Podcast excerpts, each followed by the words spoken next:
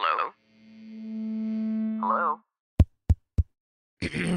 Podcast Network Asia. Lisir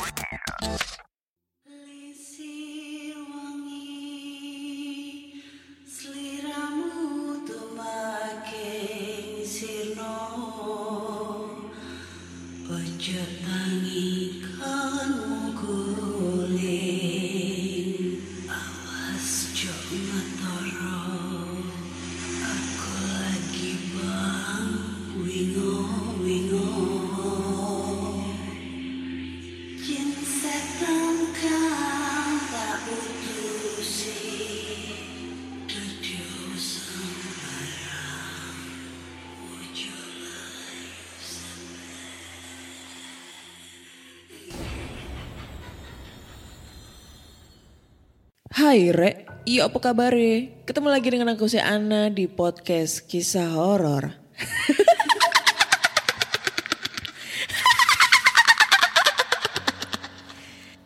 Ketemu lagi dengan aku Ana di sini di episode 138 dan di episode kali ini aku akan bacakan cerita horor ataupun email berantu yang sudah dikirimkan teman-teman melalui podcast kisah horor at gmail.com atau DM Instagram podcast kisah horor, DM Instagram Ana Olive serta Google Form yang linknya tersedia di bio Instagram podcast kisah horor. Oke sebelum kita masuk ke cerita horor nih ya, gue mau ngasih tahu dulu lucu ya ini. Jadi kebetulan podcast kisah horor sekarang sudah bisa didengerin di Noise ya dan di Noise ini eh, fiturnya sangat lengkap sekali. Bisa sekalian komen juga ya buat para pendengar eh, di setiap episodenya komen tentang cerita terbaru nih. Ceritanya kayak gimana. Lalu di episode terakhir yang 137 itu ada salah satu komen yang bilang sebuah podcast yang dibuka dengan curhatan diiringi batuk serta sedikit umpatan. Kalau kalian ngedengerin dari episode pertama sampai sekarang, kalau sering ngedengerin aku batuk ya mohon maaf ya karena saya dulu itu sakit batuk cuy. Bayangin batuk-batuk yang nggak pernah hilang sama sekali. Susah banget buat sembuhnya, tapi alhamdulillah di satu sisi lain batuk adalah ciri khas dari eh, podcast kisah horor. Tanpa batuk serasa kayak hampa ini ya ceritanya ya. Asal tahu aja anjay. Sedikit umpatan ya, namanya juga podcast horor tapi tidak begitu horor. Karena di tema ini kita tidak perlu eh, terlalu serius dalam menanggapi hal horor ya gitu. Jadi bebas gitu ya. Terus ada lagi yang sedikit curhatan di saat opening. Wadidaw ya namanya juga gue lagi galau cuy. Mau curhat sama siapa kalau bukan pendengar podcast kisah horor ya kan. Masa ya mau horor mulu? Kan ada lah yang sesi-sesi galau. Nggak tahu kan rasanya putus cinta itu kayak gimana anjay. Sebenarnya kemarin tuh eh, sedikit promosiin ya buat teman-teman pendengar podcast kisah horor. Jangan lupa ngedengerin. Ada nih podcast temen gua namanya cuma sharing yang satu manajemen dari PNA kan? Ya buat kalian yang para wah kucing gua bersin anjay.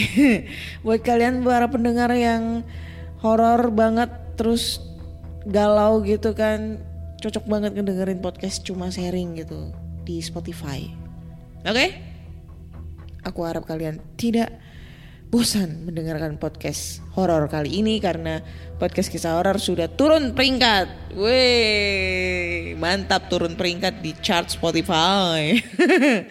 turun peringkat bangga.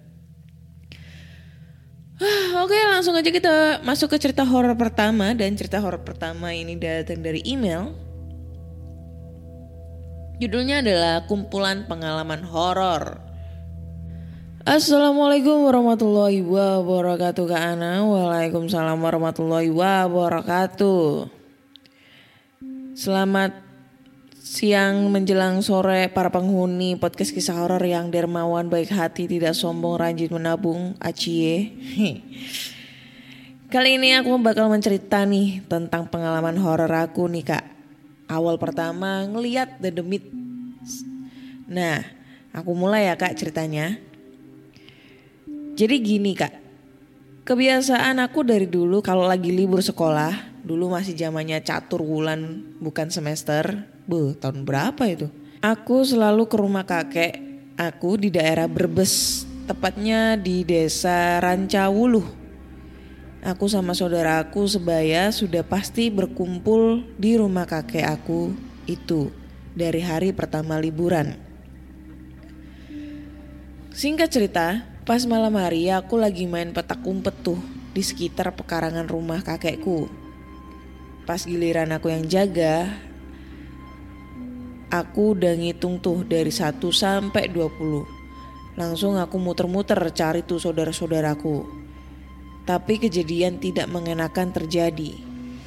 Aku melihat sesosok bayangan di balik pohon mangga. Namanya lagi main petak umpet. Ya aku samperin dong. Dengan pedenya aku jalan ngendap-ngendap. Terus langsung aku kagetin dia sambil bilang, Kena lupan! Nama saudara aku. Tapi betapa kagetnya aku, yang aku kagetin ternyata justru dia yang bikin aku kaget. Yang aku kagetin tuh ternyata semacam kayak tuyul gitu. Bentuknya emang kecil, tapi celananya gede banget. Dan dia bertaring. Sontak aku kaget Aku lari sekencang-kencangnya. Dan kamu tahu kak apa yang terjadi? Itu tuyul seolah-olah ada di mana-mana. Di tiap pohon yang aku lewatin selalu ada dia. Sampai akhirnya aku jatuh dan ditolong sama saudara-saudaraku. Pas aku sampai rumah aku cerita sama kakekku.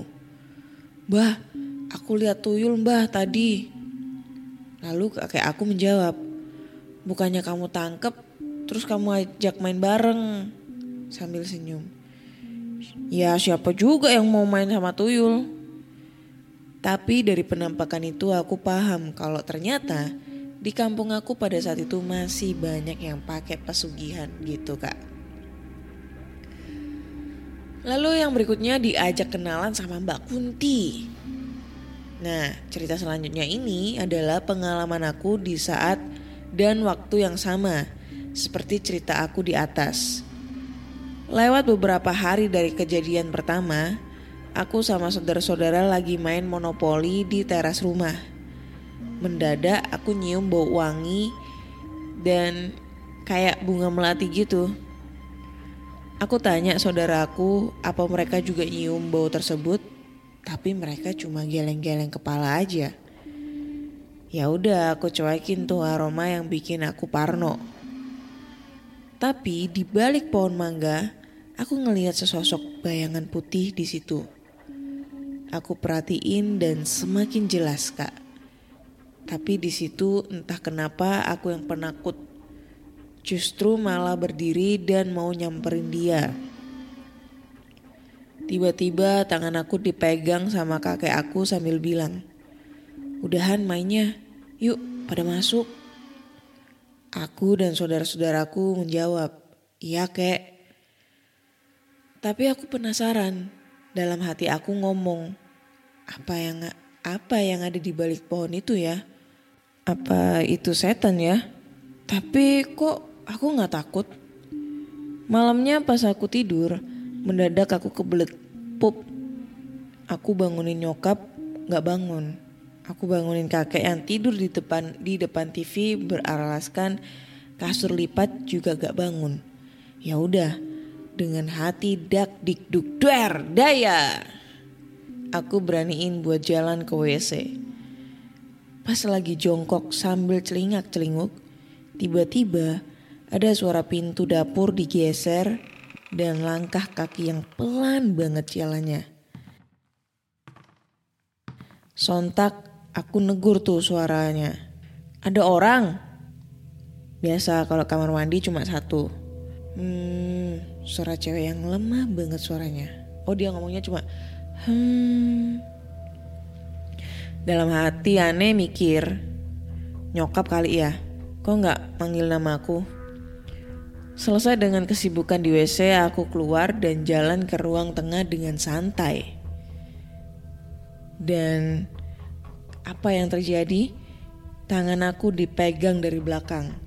Sontak Aku nengok ke belakang dan yang aku lihat saat itu sesosok wanita pakai gaun putih, rambut nutupi muka. Aku pucet pasi di situ.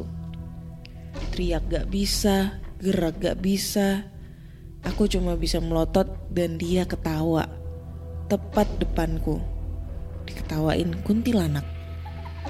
Aku pingsan di situ. Pas bangun-bangun seluruh saudaraku, kakek dan nyokap ada di depan. Dan kakek aku bilang, kamu gak usah takut, dia cuma pengen kenalan sama kamu. Sekarang dalam hati kamu baca Al-Fatihah dan sebutin nama kamu. Aku pun cuma ngangguk-ngangguk aja, masih gak percaya sama apa yang aku alamin. Oke kak, segitu dulu cerita aku. Masih banyak sebenarnya ceritanya. Next, aku bakal nyambung cerita tentang pengalaman horor yang pernah aku alami. Thank you Kak Ana sudah dibacakan ceritanya. Oke, thank you banget buat yang sudah kirim cerita ya. Waktunya kita berkomentar tentang cerita yang dikirim kali ini. Ya, ya kalau zaman dulu ya maksudnya eh, ini kalau bisa dilihat zamannya dia tuh masih catur wulan bro. Waktu masih sekolah ya. Kalau catur wulan itu ya sekitar 90-an lah ya kan? Dulu waktu aku masih SD tuh masih catur wulan satu catur wulan dua gitu kan sampai catur wulan tiga kalau nggak salah itu. Dan apa ya? Pada zaman dulu itu emang suasananya itu emang begitu sepi gitu. Jadi kesan horornya itu masih kerasa banget apalagi di lokasi Brebes yang kita tahu kalau Brebes itu pasti masih perdesaan ya.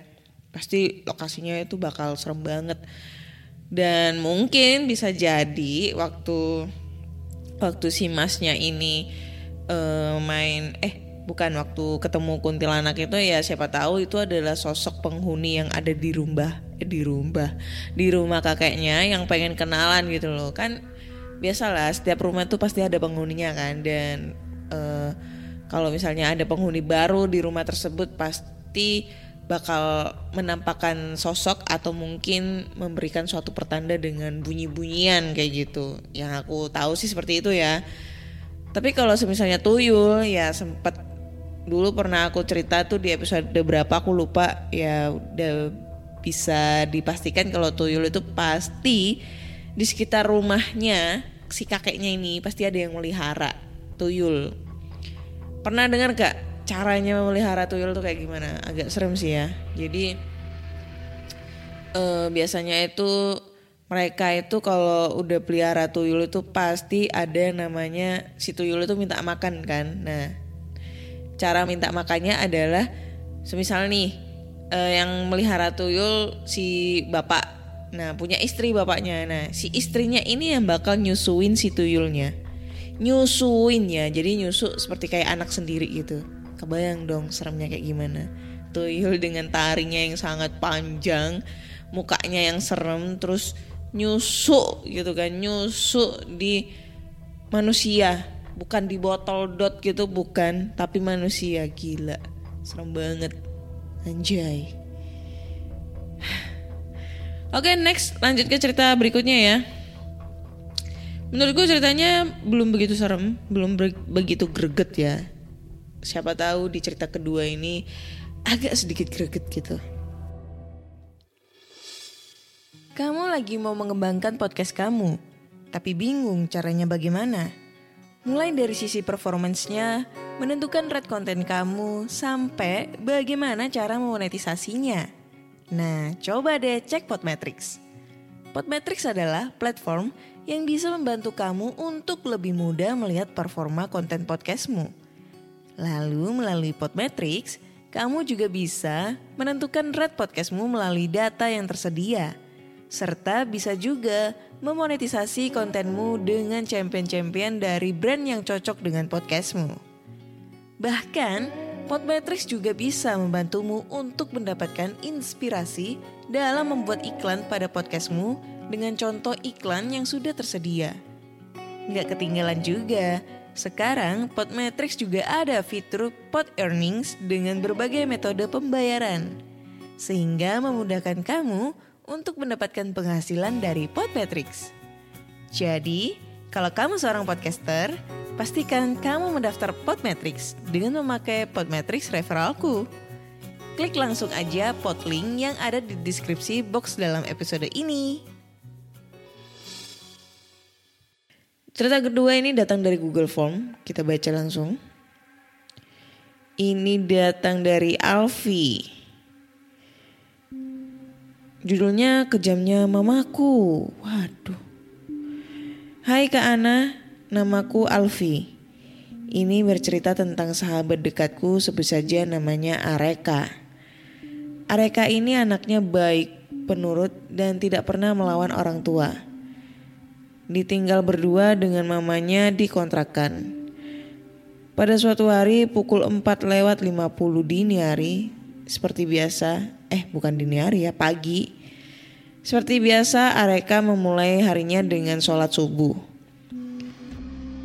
Sehabis sholat subuh, ibu Areka mengetuk pintu kamarnya. Tok, tok, tok. Nak, bisa tolong mama nggak? Areka ngejawab, ya apa mah? Tolong anterin mama ke WC masjid nak, WC kita sumbat. Iya mah.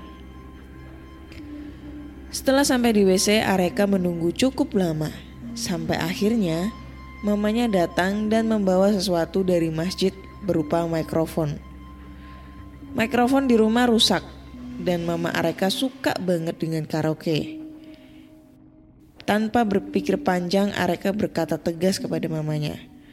Mama ini apaan sih? Simpan ya, kalau tidak aku laporin ke petugas masjid. Mamanya ngejawab, halah gak apa-apa. Banyak kok ada tiga, kalau diambil satu gak akan rugi. Terus Areka ngejawab, dosa mah. Halah kamu itu tahu apa, kamu hanya anak kecil. Areka langsung merampas mikrofon itu dari mamanya, langsung menyimpannya. Mama Areka mengoceh di sepanjang jalan. Kamu itu anak kurang ajar, berani ngelawan orang tua. Areka hanya terdiam menundukkan kepala dengan wajah sedih. Setelah sampai di rumah, mamanya mengoceh lagi. Kamu anak kurang ajar. Apa sih? Udah selesai sih ceritanya sebenarnya. Ini sorry ya, sorry to say ya. Siapa namanya Alfi? ini kamu salah kirim cerita ini kayaknya. Ini bukan horor ini ceritanya, melainkan cerita pengalaman pribadi nih broken home gitu ya. Ya walaupun aku sering cerita curhat-curhat di podcast kisah horor tapi kan ini cerita tentang inilah apa ya ibaratnya? Tentang pengalaman pribadi temen-temen kamu gitu loh. Apalagi menyangkut orang tua dan tidak ada kesan-kesan horornya. Jadi mohon maaf nih siapa si Alfi jangan dipublikasikan gitu loh. Ini kan masalah teman kamu dan orang tuanya tidak baik gitu. Dan tidak nyambung ini kalau misalnya dikirim ke podcast kisah horor. Karena ceritanya bukan horor ini, melainkan cerita KDRT ini ya, kekerasan dalam rumah tangga. Oke, Alfi. Areka-reka. Ceritanya ngawur nih. Oke, lanjut aja lah. Next ke cerita berikutnya ya. Oke, ini ada judul baru dari email yang judulnya adalah penghuni rumah kosong. Assalamualaikum Mbak Ana, salam kenal. Saya adalah pendengar baru podcast ini. Welcome to podcast kisah horor ya Mbak Novi. Ini adalah kali pertama saya menulis pengalaman yang saya alami bersama teman kerja saya saat masih bekerja di salah satu rumah makan yang terletak di kota kelahiran saya, yaitu Lembang, Bandung Barat. Tapi kejadian yang akan saya ceritakan terjadinya bukan di rumah makan ini, melainkan di rumah anak sang pemilik rumah makan ini yang terletak di perumahan Kopo Permai. Awal cerita, saya bekerja di rumah makan ini dari tahun 2010 setelah lulus sekolah karena bingung mau ngelanjutin kuliah nggak ada modal dan nggak punya jalur beasiswa. Akhirnya saya memutuskan untuk bekerja di salah satu rumah makan yang ada di kota saya. Suatu hari pemilik rumah makan memanggil saya dan satu teman saya ke rumah beliau. Kami ditugaskan untuk beberapa hari, jangan dulu bekerja di rumah makan. Tetapi untuk bekerja beres-beres di rumah anaknya yang ada di perumahan Kopo Permai. Saat itu kami menyetujuinya karena beliau bilang kerjanya cuma beresin rumah saja, gak lebih, dan kami disuruh menginap tapi cuma tiga hari saja. Saya pikir ya udahlah, lagian cuma tiga hari aja, lumayan bayarannya cukup besar. Kerjanya juga cuma beres-beres dan untuk makan sudah disiapkan. Jadi gak bingung nanti mau masak, gak perlu keluar rumah juga. Hari pertama kami sampai di rumah tersebut, kondisi sekeliling komplek perumahan itu cukup sepi. Dan rumah ini letaknya itu di pinggir jalan. Di sebelah kiri adalah jalan utama dan di seberangnya jalan utama itu pos sapam komplek tersebut. Saat turun dari mobil, ada seorang satpam yang menyambut kami dan bilang pada kami, "Semoga betah ya, Neng, nginep di sini. Jangan sungkan kalau nanti malam ada yang ganggu, panggil saja Bapak." Begitu kata Pak Satpamnya. Nah, lo, maksudnya apa? Apa yang eh ada yang ganggu itu apa ya? Saya dan teman saya jadi bingung campur penasaran sama yang dimaksud Pak, Pak Satpam itu apa. Setelah semua barang kami diturunkan dari mobil dan diangkut ke dalam rumah, Pak sopir pun meninggalkan kami berdua dan pamit pulang. Oh iya, kami berangkat tadi dari pukul 11 siang. Karena tadi kami mampir dulu ke tempat lain, jadi sampai rumah itu sekitar jam 5 sore. Dan Mbak Ana, saya sangat terkejut saat sebelum Pak sopir pergi, dia mengunci kami dari luar pagar rumah. Saya kaget lalu saya bertanya, Pak, kok kami dikunci begini kayak di penjara? Nanti kami nggak bisa ke mana-mana dong. Terus Pak supir bilang, iya maaf ini disuruh sama si non X. Katanya jangan kasih kunci pagar rumah sama mereka. Dan kunci gembok pagarnya takutnya kalian pada main-main keluyuran keluar bahaya. Katanya ya lagian mau ke mana kami aja? Nggak tahu jalan pulang. Kami pun pasrah. Toh semua keperluan ada di dalam rumah. Jadi nggak apa-apa pikir kami setelah Pak Sopir pergi dan Pak Sapam pamit pergi ke pos jaga, kami berdua mulai melihat sekeliling rumah ini. Di halaman depan terdapat pohon mangga yang lebat banget daunnya dan besar banget pohonnya. Yang tingginya sampai melewati batas genteng lantai dua rumah ini. Dan itu bikin kami merinding. Soalnya jadi sedikit gelap gitu. Karena ketutup sama sebagian daunnya. Dan juga halamannya tidak terlalu luas karena adanya pohon mangga itu jadi sempit untuk lahan rerumputannya. Karena terpakai juga sama lantai keramik bagian depan rumah yang hanya sekitar dua setengah keramik saja. Saya pun penasaran ingin melihat ke dalam ruangan bagian depan yang semua pintunya itu dari kaca dengan gorden yang setengah terbuka. Saya mengintip dari celah itu dan hanya terlihat ruangan yang gelap tanpa lampu dan ada dua kursi yang di tengahnya meja bulat yang ditutupi kain putih. Gagang pintunya pun penuh debu tebal seakan tidak pernah ada yang membersihkannya. Hal itu menambah suasana jadi sedikit angker. Sembari memperhatikan rumah ini, saya pindah ke depan pagar. Pagar rumah ini besinya tinggi-tinggi. Untungnya besinya itu lurus-lurus dan celahnya itu cukup lebar. Ya kalau tangan dijulurkan keluar cukup leluasa lah. Gak terlalu rapat jadi bisa lihat keluar lumayan jelas. Melihat ke area depan rumah, saya lihat di depan rumah ini ada rumah lagi. Tapi di teras rumahnya itu ada seorang kakek-kakek yang duduk di kursi roda tanpa ekspresi dan beliau itu selalu melihat ke arah rumah ini. Entah apa yang kakek itu lihat, tapi pandangannya itu selalu tertuju pada balkon lantai dua rumah ini. Seketika saya pun ikutan lihat ke atas dan saya melihat balkon kamar yang gelap tanpa lampu. Tak lama kemudian ada anggota keluarganya yang membawa si kakek ke dalam rumah karena hari mulai mau gelap dan menjelang maghrib.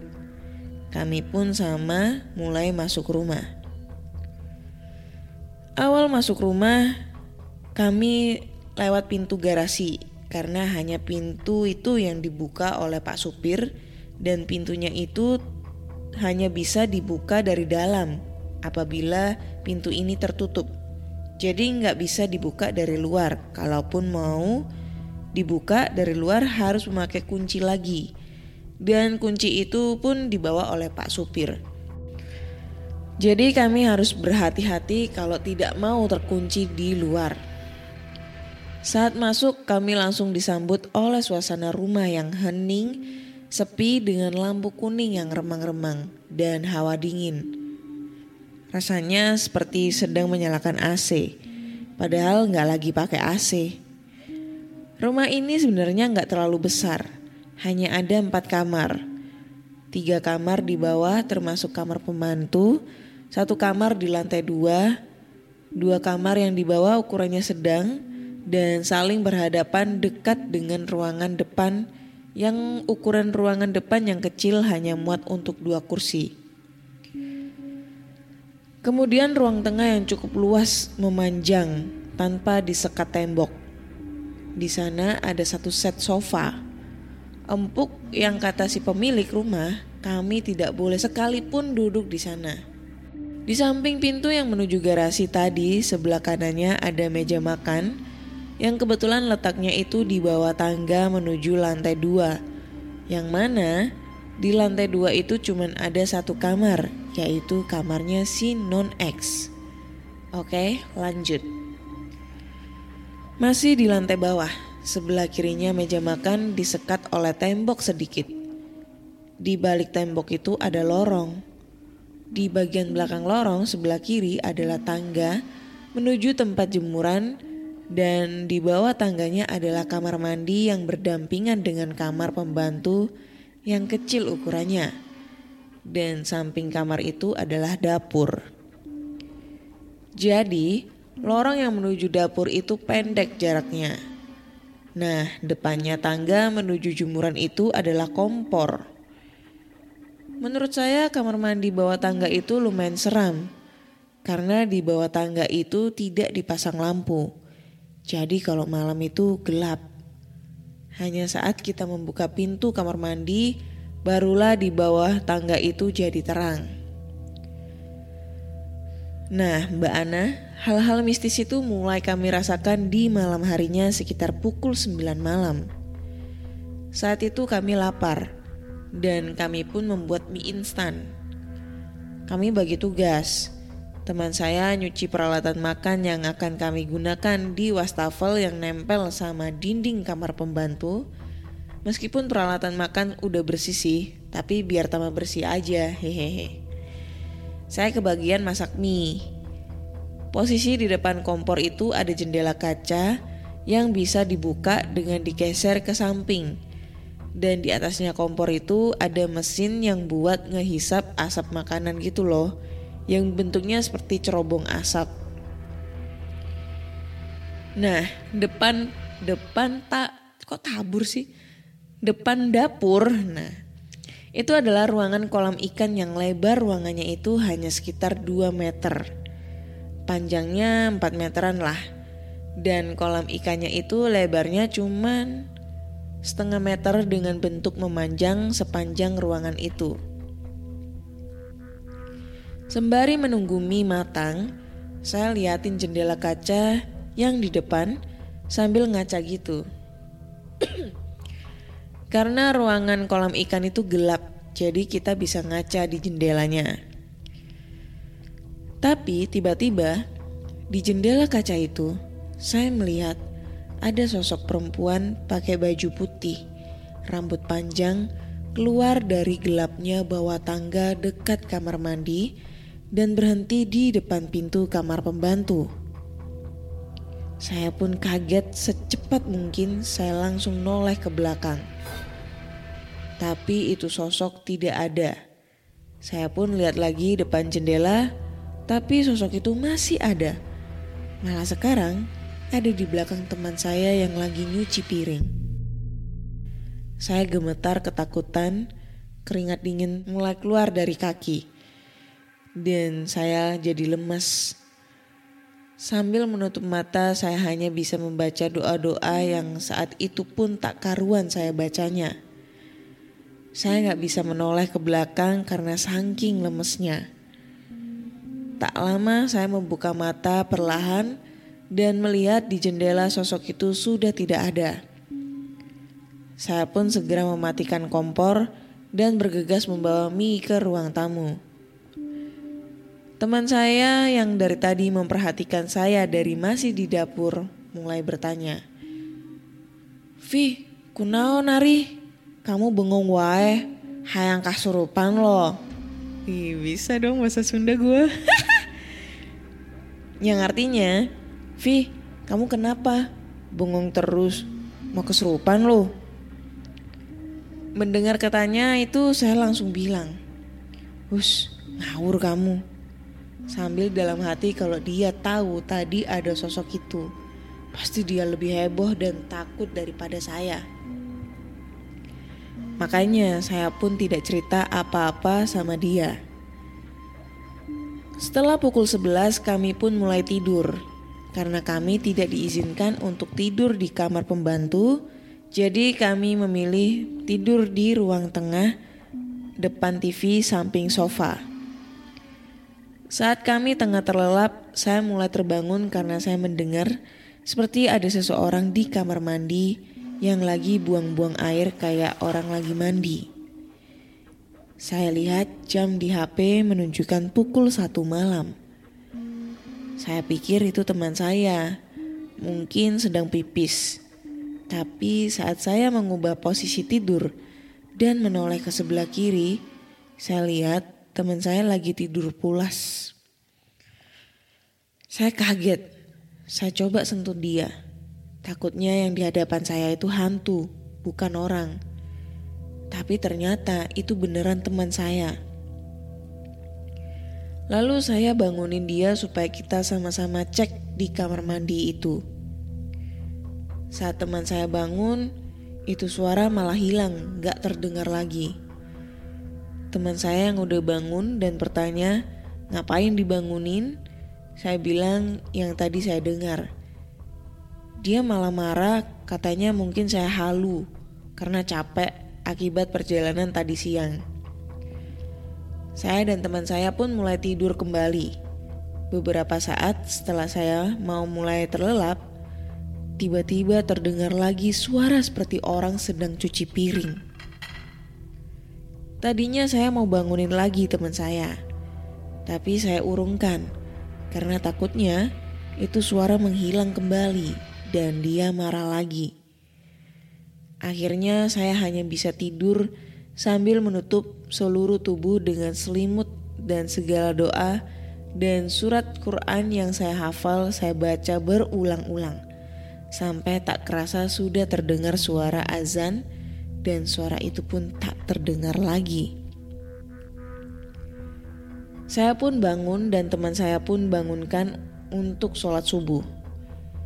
Di pagi hari saat teman saya ke dapur, dia panggil saya dan berkata sambil menunjuk ke wastafel dengan semua gelas piring, mangkuk, sendok berada dalam wastafel seperti mau dicuci kembali.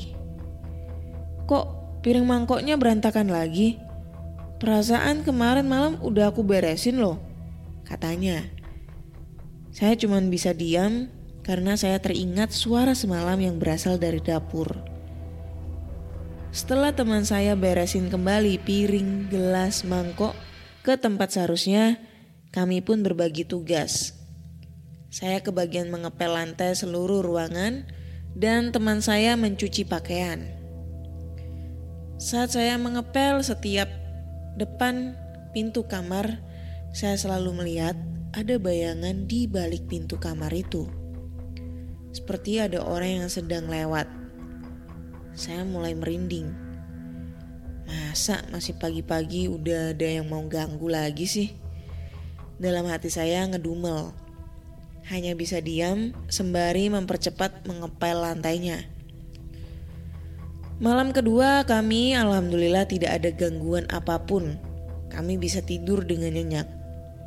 Malam ketiga, yang mendengar bukan saya saja. Teman saya pun mendengar kejadian seperti malam pertama terulang kembali di kamar mandi. Di wastafel bahkan ditambah dengan suara mesin penghisap asap yang tiba-tiba menyala sendiri. Membuat kami berdua tidak bisa tidur sampai subuh tiba. Malam keempat kami memutuskan untuk tidur di lantai atas yang menuju tempat jemuran.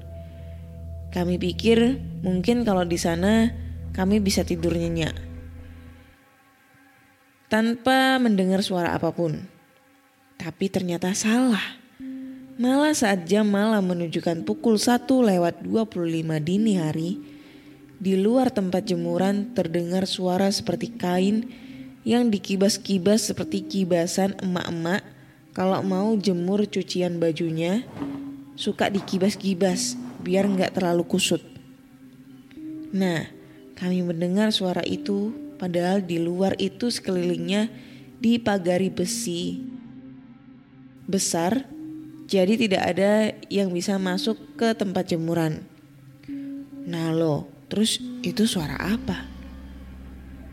Belum lagi di bawah terdengar suara seperti kursi yang diseret dan menghasilkan suara berdecit yang ngilu kalau didengar. Terus suara seperti orang yang lagi nyapu. Saat itu rame banget. Kami hanya bisa menangis dan menelpon orang rumah pengen cepat pulang. Tapi nggak bisa apa-apa karena nggak tahu jalan menuju tempat ini. Paginya kami menelpon si non X minta cepat dijemput. Tapi kata si non X nggak bisa, soalnya mobil yang dipakai buat menjemput mogok, nggak bisa jalan dan lagi di bengkel. Malah si non X nyuruh sabar dan nunggu tiga hari lagi. Kami hanya bisa pasrah menunggu. Dua malam kemudian adalah malam terseram buat saya dan teman saya. Di mana gangguan itu sudah bukan lagi berupa suara atau penampakan, tapi sudah bisa menyakiti kami. Dimulai saat sebelum maghrib, kami bergantian berwudu. Yang pertama berwudu adalah saya, kemudian teman saya. Saat giliran teman saya tiba-tiba pintu kamar mandi ada yang ngebanting sampai pintunya nggak bisa kebuka. Seketika teman saya dan saya pun menjerit kaget sambil berusaha membuka pintu. Akhirnya nggak lama pintu pun terbuka. Setelah sedikit tenang, kami pun mulai sholat maghrib. Tapi betapa terkejutnya kami. Posisi sholat menghadap kiblat di sana itu arahnya menghadap meja makan.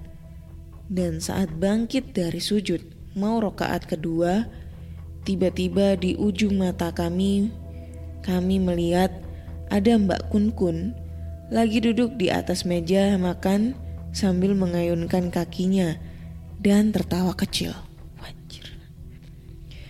Saya hanya bisa gemetar sambil nangis ngebaca doa sholat dengan susah payah.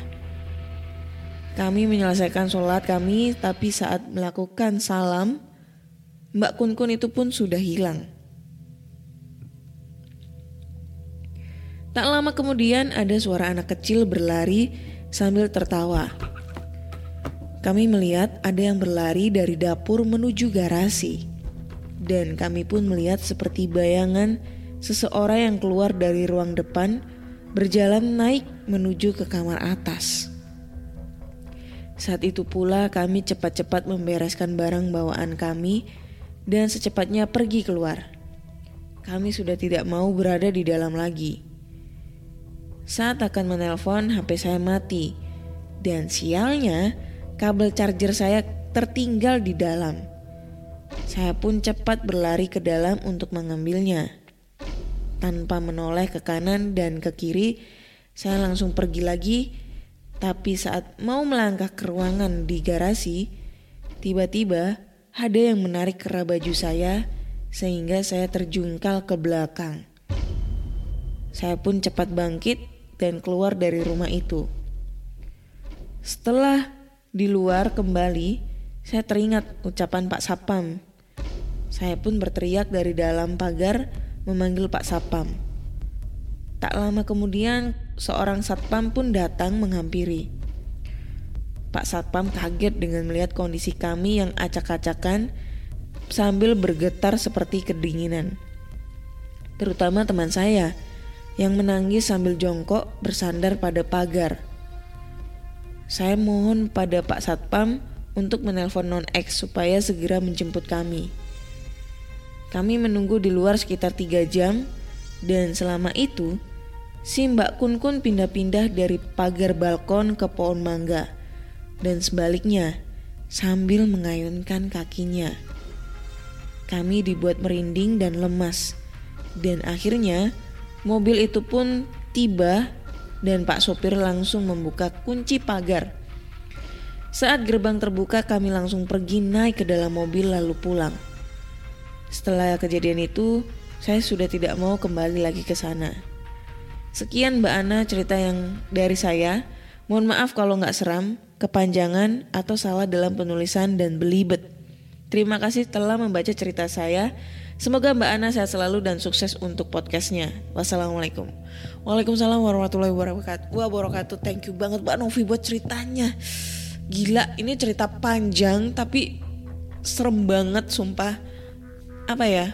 Pada saat aku ngebacain cerita ini tuh kayak aku tuh berasa banget eh berada di kejadian apa ya? Berasa banget berada di posisinya Mbak Novi kayak apa ya kayak ngebayangin kalau aku tuh Mbak Novi gitu loh atau mungkin jadi temennya Mbak Novi gitu. Jadi kayak ngebayangin gila pada yang gue apa ya yang aku bayangin itu pada saat Mbak Novi sama temennya lagi sholat dan tiba-tiba ada kuntilanak. Wih gila merinding sumpah. Nggak bohong ini ya aku nggak bohong ini merinding sumpah. Dan tiba-tiba ada kuntilanak yang sedang duduk di atas meja makan yang posisinya adalah arah kiblat yang otomatis berhadapan dong berhadap-hadapan sama Mbak Novi dan temennya. Dan pada saat mereka sholat itu si, si Mbak Kun Kunnya tuh ketawa anjir sambil sambil ngayun-ngayunin kakinya gitu. Kayak ibaratnya tuh kayak kuntilanak kuntilanaknya itu ngejek mereka gitu loh. Wih, gila sumpah. Merinding gila merinding. Nggak bohong sumpah ini merinding banget Wih, terus yang lebih ekstrim itu yang tadi yang Mbak Novi yang abis ngambil charger handphone, terus dia keluar dan pada saat pada saat dia keluar tiba-tiba ada yang narik bajunya sampai dia jatuh, terjungkal ke belakang. Gila. Itu udah ekstrim banget kalau sampai ada makhluk halus atau jin yang udah ke fisik itu berarti kekuatannya si makhluk halus tersebut udah gede banget yang aku tahu itu ya. Jadi kalau misalnya uh, si makhluk halus itu pengen menunjukkan sesuatu nih ke, ke kita dengan bentuk suara ataupun bentuk uh, aktivitas, itu berarti dia itu membutuhkan energi yang sangat kuat supaya menimbulkan hal seperti itu. Nah, kalau sampai dia sudah main fisik, ibaratnya sampai seperti kayak Mbak Novi yang ditarik bajunya sampai dia kejungkal, itu udah pasti energinya kuat banget dan itu udah pasti negatif banget itu. Gila. Dan ini harus diketahui. Kita e, ibaratnya aku nggak tahu nih endingnya itu ngegantung banget. Menurut aku ngegantung. Kenapa ngegantung? Karena mungkin kita nggak tahu nih asal usulnya ini rumah kenapa kok bisa kok bisa kosong kok bisa berhantu atau mungkin kenapa alasannya si non X ini nyuruh Mbak Novi dan temennya itu buat nginep di rumah tersebut gitu loh. Padahal si non X ini tahu kalau rumah itu tuh berhantu. Dan kayaknya tuh pada saat Mbak Novi minta untuk dijemput dan bilang si non X-nya tuh bilang untuk nunggu tiga hari lagi tuh kayaknya sengaja banget itu loh supaya apa ya mungkin eh, dibuat uji percobaan nih baratnya kayak gitu ya dibuat uji percobaan nih ini setannya seberapa ekstrimnya kayak gitu kan seharusnya pada saat itu mungkin Mbak Novi nanya tuh ke supir atau mungkin Pak Sapamnya ini kenapa Pak rumahnya kayak gini Pak? Saya nggak betah Pak. Di sini saya diganggu Pak. Saya tadi ditarik ke jungkal Pak. Sakit tahu. Lebih baik sakit hati daripada sakit diganggu setan gitu kan. Ibaratnya kayak gitulah. Semisalnya ini kalau Mbak Novinya tanya nih dan tahu tentang eh, silsilah ini rumah kenapa berantu beh bakal keren banget ini ceritanya. Ya Mbak Novi ya? Mungkin Mbak Novi ada cerita lanjutan kali ya? Keren sumpah. Endingnya ini cerita terakhir beh serem. Rate 1 sampai 10 ini nomor 10 gila. Berasa banget dan apa ya baru kali ini setelah sekian lama aku ngebacain cerita horor dan baru kali ini aku bisa ngerasain eh, apa ya bisa terbawa gitu ya pada saat ngebacain cerita horor itu bisa terbawa ke dalam ceritanya dan eh, kerasa banget perindingnya kayak gimana. Oke deh kayak gitu. Thank you banget buat semuanya udah 45 menit eh, aku udah nemenin kalian di sini. Jika kalian punya cerita horor, kalian bisa langsung aja kirim ceritanya ke podcast kisah horor at gmail.com atau DM Instagram podcast kisah horor, DM Instagram Ana Olive, serta Google Form yang linknya tersedia di bio Instagram podcast kisah horor. Jangan lupa dengerin juga podcast kisah horor di Spotify, Google Podcast, Apple Podcast, ataupun di Anchor. Jangan lupa follow podcast kisah horor di Spotify dan Noise karena podcast kisah horor sekarang udah bisa didengerin di Noise. Dukung terus podcast kisah horor biar bisa masuk 5 besar top chart di Spotify. Mustahil bro.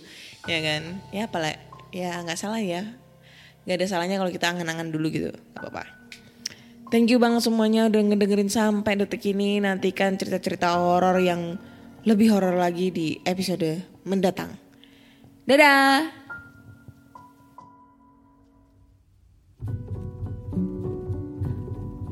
Pandangan dan opini yang disampaikan oleh kreator podcast, host, dan tamu tidak mencerminkan kebijakan resmi dan bagian dari podcast Network Asia. Setiap konten yang disampaikan mereka di dalam podcast adalah opini mereka sendiri dan tidak bermaksud untuk merugikan agama, grup etnik, perkumpulan, organisasi, perusahaan, perorangan, atau siapa pun dan apa pun.